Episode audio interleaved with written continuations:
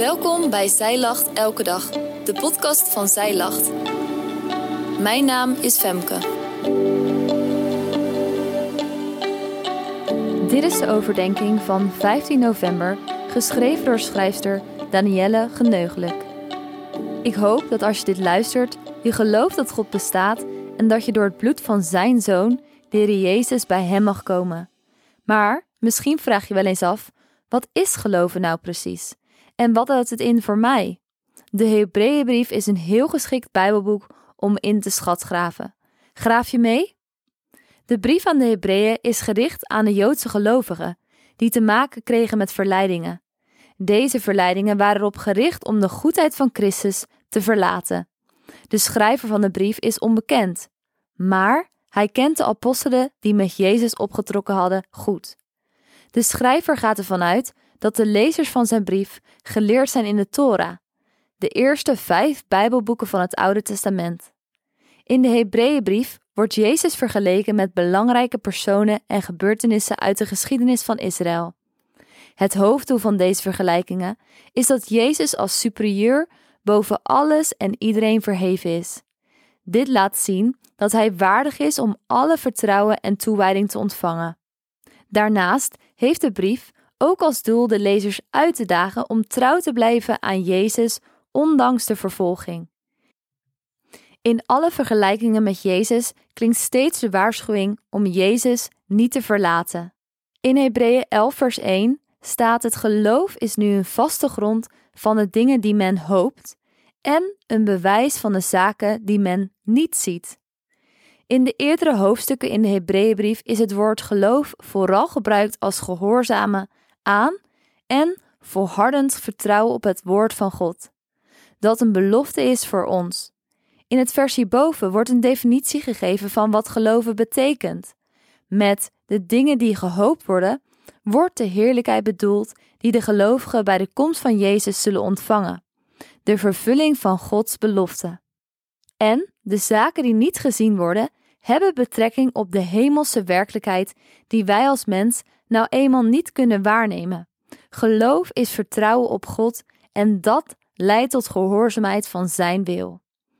In Hebreeën 10, vers 38 staat: Maar de rechtvaardige zal uit het geloof leven. En als iemand zich onttrekt, mijn ziel heeft in hem geen behagen.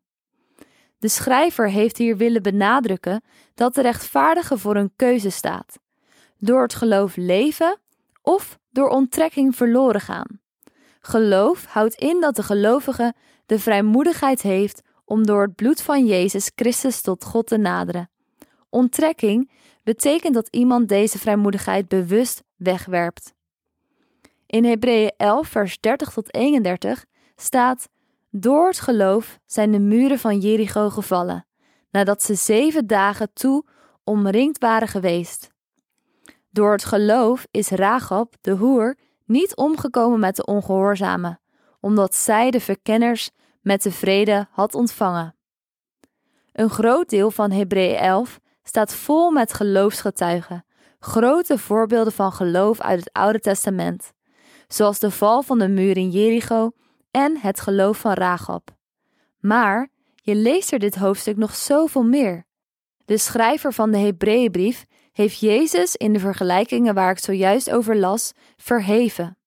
Nu is de opdracht aan de lezers van deze brief om alle grote voorbeelden van geloof na te volgen, om ze trouw te blijven aan Jezus en te vertrouwen op Hem. Welke moeilijkheden er ook komen, God zal zijn volk nooit verlaten. Geloof is niet alleen iets waardoor we behouden zijn, we moeten ook leven door geloof.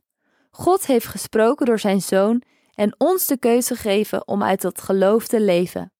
Geloof is niet iets wat je er even bij doet. Het is een noodzaak en het is voor iedereen. Zoals de geloofsgetuigen weergeven in Hebreeën 11, is geloof nodig voor alle facetten van ons leven. Geloof geeft helaas niet de zekerheid dat we hier op aarde bevrijd of beschermd zullen zijn van ellende. Maar belangrijk is dat we hopen op de heerlijkheid die we zullen ontvangen bij de wederkomst. Hoe zit dat bij jou? Voordat je gaat, Advent start dit jaar op 3 december. Doe jij mee met ons leesplan samen met Maria? In dit leesplan behandelen we in drie weken het loflied van Maria met prachtige adventskaarten om mooi in huis neer te zetten. Bestel via onze webshop voor 9,95 of doe gratis mee via de blog of podcast. Dankjewel dat jij hebt geluisterd naar de overdenking van vandaag. Wil je de overdenking nalezen? Check dan onze website. Je vindt er ook meer toffe dingen die jou helpen om de Bijbel vaker te openen, zoals boeken, Bijbels, cursussen en evenementen. Morgen ben ik weer bij je terug met een nieuwe overdenking. Tot dan!